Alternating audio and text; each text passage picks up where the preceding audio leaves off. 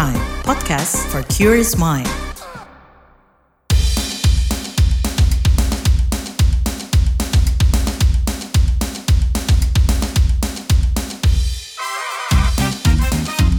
What's Trending KBR Pagi, siaran pagi radio paling update. KBR Pagi, siaran pagi radio paling update. Selamat pagi, apa kabar kalian semuanya di hari Kamis 29 Juni 2023. Bersama saya Lea Baneza di Was Trending KBR Pagi pastinya. Lea mewakili seluruh tim yang bertugas mengucapkan selamat Idul Adha 1444 Hijriah. Gema takbir sudah terdengar dan jadi tanda perayaan Idul Adha 1444 Hijriah. Di Arab Saudi sana, jemaah haji ada yang menjalankan nafar awal atau nafar sani. Nafar awal adalah jemaah yang memilih keluar dari Mina pada 12 Zulhijjah sebelum terbenamnya matahari. Tapi mungkin ada jemaah yang memilih nafar sani atau tetap menginap sampai 13 Zulhijjah. Selepas dari Mina dan kembali ke hotel di Makkah, jemaah akan menjalani rukun haji, tawaf ifadah, dan syai di Masjidil Haram. Melihat serangkaian prosesi haji, apakah kalian juga memimpikan hal yang sama, yaitu pergi haji? Nah, buat kalian yang mau pergi haji, tapi uangnya pas-pasan dan gak kebayang kapan bisa pergi haji, kita mau bahas tip pengelolaan keuangan plus cara nabung untuk haji dan kurban. Sebelum kita bahas, ada komen netizen plus 62 yang mau lewat dulu nih.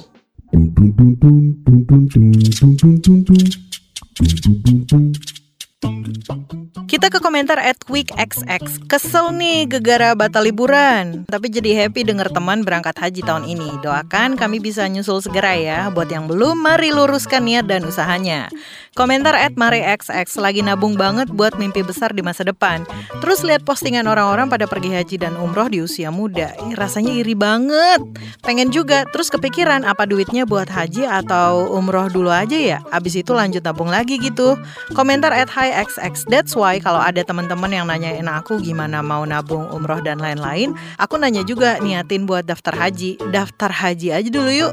Nabung haji sekalian umroh juga bisa nih. Jadi wajibnya kita udah ada niat mengupayakan. Lalu komentar at koyxx, ekonomi meningkat, pergi haji udah bukan barang mewah. Kalau bayar sekarang duitnya langsung dikasih Arab kah? Kalau enggak bisa kena inflasi. Biaya haji 2052 mungkin 3 sampai 4 kali biaya haji sekarang. Biar stabil uangnya diputar menjaga inflasi nih. Tapi kan nggak boleh diputar. Lalu at YJXX, jadi ingat ada yang nabung bertahun-tahun buat umroh atau haji kalau nggak salah karena ada uang lama jadi nggak bisa kepake. Komentar at URBXX, itu tahu kalau berangkat haji harus nabung bertahun-tahun, belum nunggu antrian 10 tahun lebih. Ya udah seharusnya fokus ke ibadah karena belum tentu bisa balik lagi berkunjung ke rumah Allah. Foto boleh, mengabadikan momen boleh, tapi jangan sampai mengalahkan niat awal buat fokus ibadah, ya nggak? Komentar at MabigXX, mending daftar haji atau pergi umroh nih? Mending punya uangnya dulu nggak sih? Dan terakhir at Amalia underscore XX, selalu ada jalan untuk niat yang baik. Yuk nabung buat naik haji. What's Trending KBR Pagi, siaran pagi radio paling update. Nah, buat cari tahu gimana cara nabung untuk haji dan kurban, pengelolaan keuangan apa yang mesti kita terapkan? Mending kita tanya ke Certified Financial Planner Meta Anggriani. Mbak, eh, ya pertama aku mau tanya terkait dengan mungkin perencanaan keuangan atau menabung untuk haji nih Mbak. Nah, eh, ini sebenarnya baiknya sejak kapan gitu Mbak kita membuat perencanaan keuangan untuk pergi haji? Kalau kita emang udah punya niat untuk uh, menunaikan ibadah haji, sebenarnya ini kita harus melakukannya sedini mungkin. Karena memang kita tahu uh, untuk menunaikan ibadah haji ini kita ada ini kan keterbatasan di mana kita harus ngambil nomor antrian dan antriannya itu makin lama makin panjang. Jadi sebaiknya memang sedini mungkin gitu ya, gitu. Nah, jadi memang harusnya dilakukan se sebegitu ada niat lah, sebegitu ada kemampuan gitu. Mbak, sebenarnya pengelolaan apa Mbak yang mesti diterapkan? Berapa persen gitu Mbak? Ini kan biasanya menabungnya sudah bertahun-tahun sebelumnya gitu ya Mbak ya? Hmm, Mhm. Nah itu dia. Kalau kita nabung kan emang nabung tuh kita di mana-mana kita diajari nabung tuh dari awal ya. Bahkan dari kita kecil kita udah ditabungin sama orang tua kita. Nah nabung itu kan idealnya saving ratio itu 10%. Tapi nabung itu orang rata-rata bisa terbagi-bagi untuk beberapa tujuan. Karena orang tuh bisa punya banyak tujuan keuangan gitu ya. Nah ini kita juga bisa tentuin untuk tujuan keuangan tuh kan juga ada prioritasnya. Mana yang mau diduluin gitu ya. Nah umumnya orang juga mem memprioritaskan tujuan yang jangka pendek dulu. Sementara kan haji itu mungkin tujuan yang jangka panjang gitu ya. Jadi kita bisa menentukan sendiri nih berapa persen yang mau kita tentukan untuk tujuan dana haji. Nah, jadi macam-macam. Apabila dana lain itu sudah sebagian terpenuhi, baru kita mungkin menyisikan untuk dana haji. Bisa nih orang mungkin memenuhi dulu untuk misalnya dana darurat, mungkin untuk dana rumah atau dana pendidikan, baru untuk dana haji. Atau bisa aja orang melakukan beberapa tabungan simultan sekaligus sedikit-sedikit, semuanya sedikit-sedikit, tapi ada porsinya masing-masing. Nah, jadi tentu sebaiknya kita mulai secara uh, simultan gitu ya. Kalau memang bisa misalnya kita bisa 10% dari penghasilan tiap bulan untuk dana haji tentu akan baik sekali. Nah, kita juga tahu nih targetnya tuh berapa gitu kan. Bisa aja kita menentukan besarnya persenan dari kita tentukan targetnya dulu gitu kan. Mungkin kita tahu kalau sekarang kita mau nabung dana haji kan ada ya kita mau ONH reguler gitu ya, ongkos naik haji reguler. Sekarang kalau kita mau nabung dana haji reguler itu kan kita bisa dengan membuka tabungan haji mulai dari kita buka tabungan haji sebesar 25 juta. Nah artinya kita bisa mulai nabung buka dan buka tabungan haji itu. Itu kita bisa buka dari tabungan misalnya dari 100 ribu gitu ya. Nah tabungan haji itu kita jadi kita punya begitu kita punya terkumpul 25 juta baru kita bisa dapat nomor antrian gitu kan. Nah jadi untuk bisa dapat 25 juta itu kita kita kita berarti targetnya kan di situ tuh. Nah jadi kita mulai punya target itu. Jadi kita mau nabung berapa banyak supaya kita terkumpul 25 juta itu.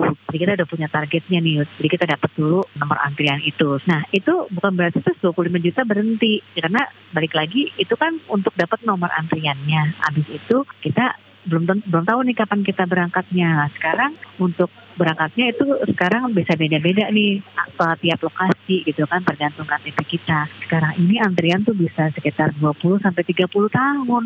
Nah, sekarang tuh ongkos haji tuh antrian sekitar mungkin sekitar 4 atau 50 juta ya sekarang ya. Jadi artinya kalau saya udah udah ada udah ada terkumpul 25 juta, kalau tiba-tiba saya berangkat sekarang saya harus uh, nambahin 25 juta lagi nih untuk bisa berangkat. Berarti kan saya tetap harus nabung lagi untuk bisa berangkat gitu ya. Jadi tetap biarpun saya udah udah punya nomor antrian, tapi saya tetap harus nabung supaya saya bisa berangkat. Uh, mbak ngomongin soal nabung gitu ya, mungkin buat yang keuangannya pas-pasan gitu Mbak. Sebenarnya kalau misalnya semasa kita bekerja ini hanya menabung untuk haji, tapi nggak menabung atau menyisikan dana untuk yang lain gitu Mbak, selain mungkin kebutuhan pokok gitu ya? Ya sebenarnya kembali lagi ya, kita kan manusia itu punya banyak aspek dalam kehidupan ya, dan kebutuhan manusia itu banyak gitu kan, tidak hanya yang spiritual saja gitu kan. Dan kembali lagi kalau kita ngomong kehidupan manusia itu kan panjang ya. Jadi kita perlu mengidentifikasi kebutuhan. Kebutuhan tadi bukan hanya untuk saat ini tapi juga untuk masa depan. Dan karena banyak otomatis kita perlu mengatur prioritas sehingga kita bisa memudahkan mengatur kebutuhan itu sesuai dengan masanya gitu ya. Nah, jadi kita perlu mengatur gitu ya yang namanya kebutuhan haji itu bisa direncanakan agar terlaksana. Umumnya memang terlaksana di masa kita dewasa dan dewasa itu artinya juga tidak terlalu tua karena kan semakin tua juga semakin berisiko ya. Kebanyakan orang tuh ya kita lihat mungkin mereka menabung menabung setengah mati untuk bisa berangkat haji. Ketika berangkat haji itu kita udah tua sehingga ketika ada tua tenaganya udah nggak ada ya. Sementara haji itu kan berat ya ibadahnya sehingga yang ada ketika sudah berangkat justru kita tuh melakukan ibadahnya dengan dengan berat. Jadi malah malah jadi susah. Jadi memang kita berusaha untuk bisa secepatnya berangkat juga. Jadi memang ini perlu direncanakan dengan baik. Tapi ya kembali lagi tadi kan ya ibadah haji itu adalah memang rukun Islam. Artinya dia wajib dilaksanakan sekali seumur hidup bagi yang mampu gitu ya. Dan definisi mampu itu kan secara fisik mental spiritual finansial gitu ya. Dan secara rukun Islam pun dia kan rukun Islam yang kelima ya. Artinya mungkin dia bukan yang pertama juga gitu ya. Artinya kita juga bisa mengatur gitu ya prioritasnya tadi gitu ya. Dan ibadah itu juga kembali, kembali lagi ya bukannya ibadah yang paling utama. Tetapi kebutuhan manusia itu kan jalan kita beribadah itu banyak cara ya. Dengan kita mengatur kebutuhan fisik kita itu juga uh, ibadah juga gitu ya. Dengan kita mengatur kehidupan kita di dunia itu sebenarnya ibadah juga gitu. Jadi sebenarnya kita bisa mengatur kehidupan kita yang di dunia ini sebagai jalan ibadah juga. Jadi kita perlu mengatur yang sebaik-baiknya gitu ya. Okay. Jadi uh, kembali lagi menurut saya kalau kita hanya mengutamakan kebutuhan spiritual haji saja tapi kita tidak mengatur kebutuhan yang lain. Artinya kita menabung haji tapi terus kita menjadi kelaparan. Saya rasa itu tidak bijak gitu ya. Karena kita berhutang atau kita tidak punya tabungan hari tua sehingga kita habis itu kita menyusahkan anak cucu. Itu kayaknya tidak bijak juga gitu ya. Jadi kita perlu mengatur segala bentuk kehidupan kita dengan bijak gitu ya. Supaya kita juga tidak tidak apa ya supaya kita balance antara kebutuhan duniawi dan akhirat juga gitu kalau menurut saya mbak. Gitu. Oke berarti penting banget bikin skala prioritasnya gitu ya mbak ya. Betul.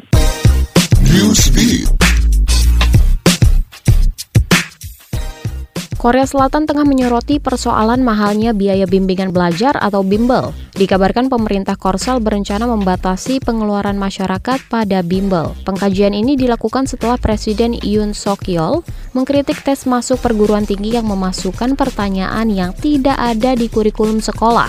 Hal ini mendorong orang tua memasukkan anaknya di bimbel. Tidak cuma menyangkut persoalan pendidikan, pemerintah Korsel menganggap mahalnya bimbel menjadi salah satu faktor orang-orang di Korea enggan memiliki anak hingga berakibat menurunnya populasi. Amerika Serikat dikabarkan menghentikan kerjasama ilmiah dan teknologi dengan Israel di luar garis hijau, yaitu wilayah Israel yang diduduki selama perang. Keputusan ini dikeluarkan pemerintah Amerika Serikat setelah pemerintah Israel memberikan otoritas pembangunan 4.500 rumah baru di wilayah tepi barat Keputusan ini pun mengembalikan keputusan ex-presiden Barack Obama yang menetapkan tidak ada kerjasama pada wilayah geografi yang berlokasi di luar perbatasan. Sebelumnya, pada masa kepemimpinan Donald Trump, Amerika justru menandatangani dua dokumen yang mengakui kedaulatan Israel atas daerah-daerah tersebut. Belgia dilanda fenomena alih fungsi gereja menjadi hotel, kafe, toko pakaian, venue panjat tebing, hingga klub malam. Ini disebabkan banyaknya gereja dan kapel yang terbengkalai karena kosong dan tidak terpakai. Melansir Associated Press, Uskup Johan Boni menyayangkan fenomena ini, namun dia mengaku tidak bisa kembali ke masa lalu dan menghidupkan gereja-gereja tersebut. Fenomena alih fungsi gereja ini dikarenakan menyusutnya populasi umat Kristen yang sebelumnya memenuhi seluruh benua Eropa.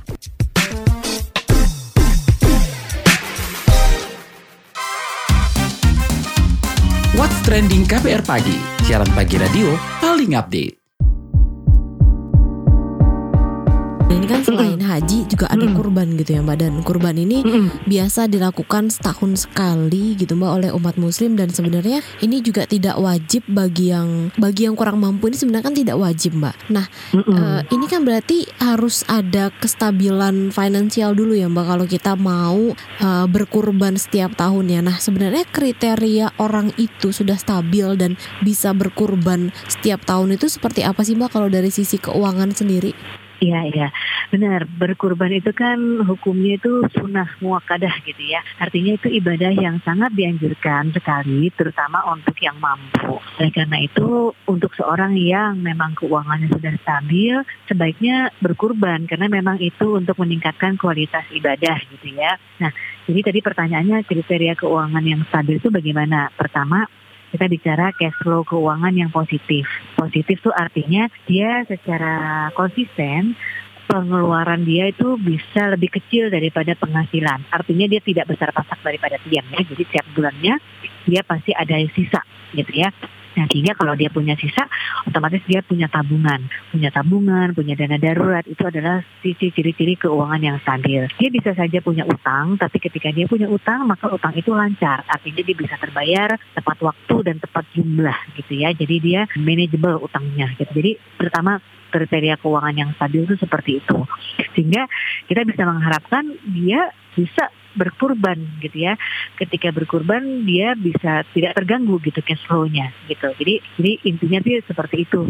Intinya berkurban itu tidak akan menyusahkan dia. Justru justru dengan dia berkurban itu meningkatkan pahala dia dan dia juga bisa membantu sesama karena kan kurban itu bisa bisa disedekahkan ya untuk kemaslahatan orang lain juga gitu kira-kira seperti itu. Mbak, tapi Hmm. perlu nggak sih Mbak perencanaan keuangan dari jauh atau mungkin ini kan periodenya satu tahun ya, mungkin dari Mm-mm. satu tahun sebelumnya itu udah mulai menyisihkan gitu Mbak, atau mungkin itu akan lebih bagus. Ah. atau mungkin eh, langsung pada saat itu ada uang ya saat itu kurban gitu. Iya, artinya gini, kalau kita punya uang gitu ya, artinya katakanlah apalagi sekarang nih, kita kan nanti uh, lebaran haji ini tanggal 29 ya, mungkin habis gajian. Kalau kita habis gajian, insya Allah ada uangnya, terus kita mau berkurban, ya alhamdulillah gitu ya.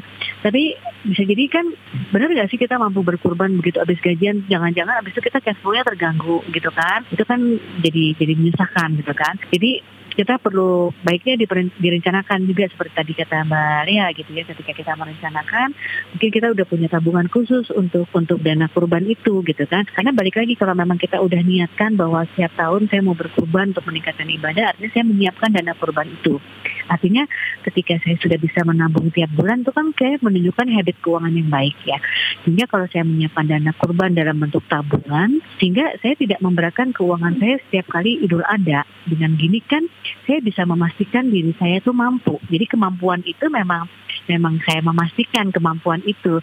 Kalau saya memang menggantungkan kemampuan hanya setiap kali pada masa tertentu, setiap kali perayaan itu, ya sebenarnya bisa aja. Tapi balik lagi kalau memang kita sudah niatkan, kenapa tidak disiapkan sejak awal gitu. Jadi misalnya tadi Mbak Lia bilang ya, ya berapa sih harga uh, harga kambing idul adha gitu ya pada saat kurban kan bervariasi ya.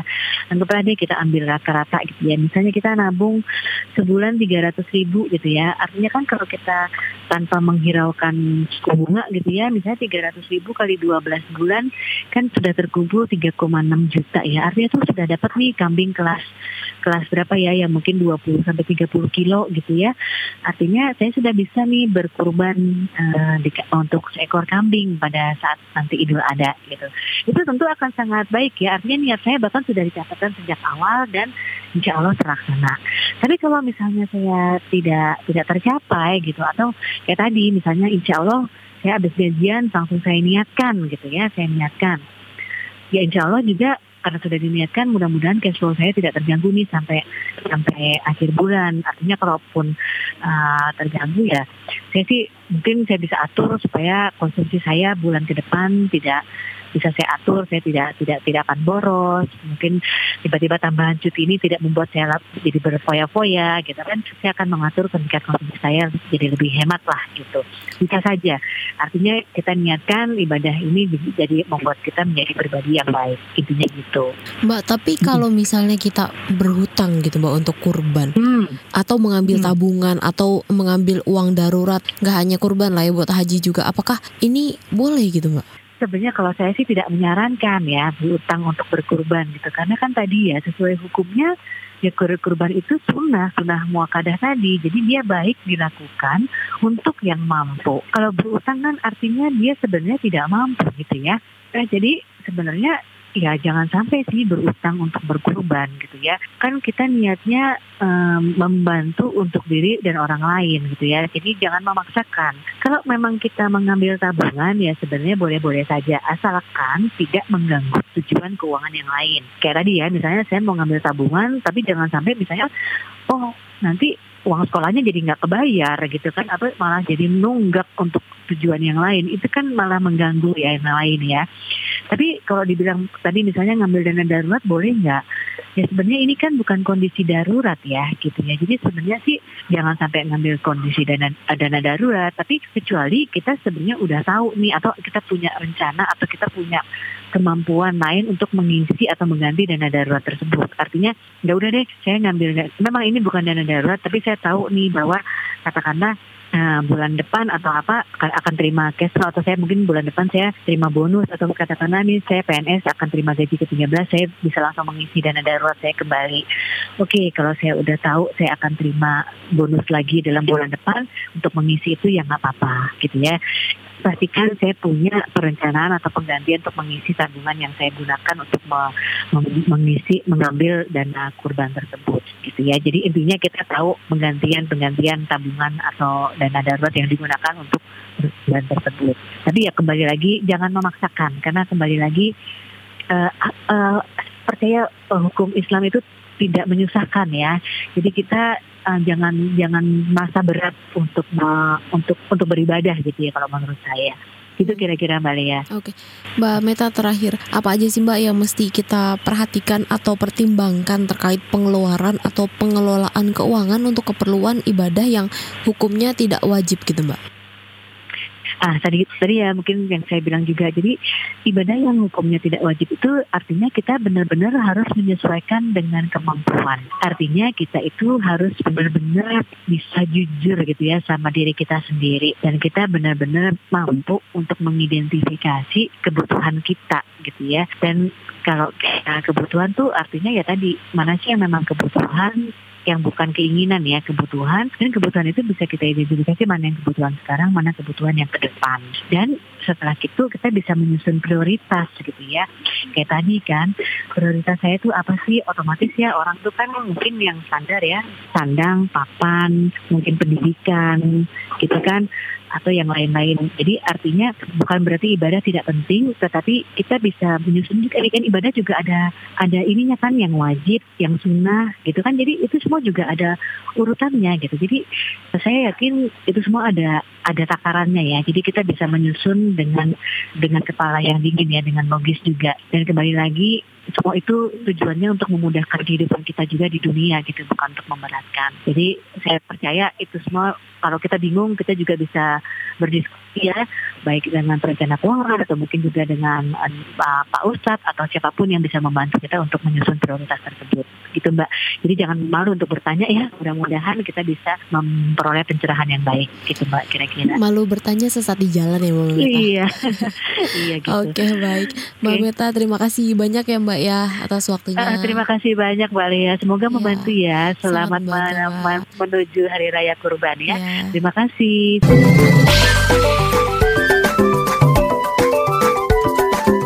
WhatsApp Indonesia. WhatsApp Indonesia kita mulai dari kabar haji. Petugas penyelenggara ibadah haji PPIH Arab Saudi 1444 Hijriah memfasilitasi 240 jemaah haji lansia dan disabilitas. Pada puncak haji kali ini, PPIH Arab Saudi menyediakan petugas khusus untuk mendampingi jemaah lansia atau difabel. Di Mekah, Ketua PPIH Arab Saudi 1444 Hijriah, Subhan Holid, memastikan setiap jemaah lansia atau memiliki keterbatasan dalam pergerakan tetap menjalankan ibadah hajinya dengan nyaman. Subhan mengatakan, setiap jemaah akan diberikan kain ihram, mukena, peralatan mandi, pampers, sarung tangan, dan masker. Lalu fasilitas seperti kursi roda, alat pelindung diri atau APD, dan alat kebersihan juga disiapkan. Selanjutnya menuju Yogyakarta. Wakil Presiden RI Ma'ruf Amin mendorong program kemandirian pondok pesantren di daerah istimewa Yogyakarta. Contohnya, Pondok Pesantren Hajar Aswad di Kabupaten Gunung Kidul yang membangun greenhouse untuk mengembangkan kemandirian pangan. Menurut Ma'ruf, program ini bisa dimulai dari pengembangan ketahanan pangan masyarakat sekitar, mulai dari desa hingga kota. Greenhouse juga dianggap mampu mengembangkan kemandirian pesantren. Lewat program ini, pesantren akan membudidayakan produk-produk pertanian yang bernilai ekonomi. Tak hanya pertanian, greenhouse juga bisa dimanfaatkan untuk peternakan ikan. Sementara limbah kotoran ikan bisa digunakan sebagai pupuk tanaman. Terakhir kita ke Jakarta. Kementerian Pariwisata dan Ekonomi Kreatif Kemenparekraf klaim mengupayakan pencegahan praktek percaloan tiket konser.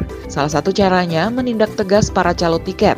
Deputi Bidang Produk Wisata dan Penyelenggara Kegiatan atau Events Kemenparekraf Vincentius Jemadu mengatakan pihaknya telah bekerja sama dengan kepolisian untuk memastikan tidak adanya calo tiket.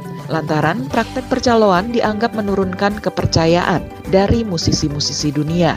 Vincentius Jemadu juga mendorong adanya transparansi dan akuntabilitas penyelenggaraan konser agar informasi seputar konser bisa tersalurkan dengan jelas kepada masyarakat. Demikian WhatsApp Indonesia hari ini.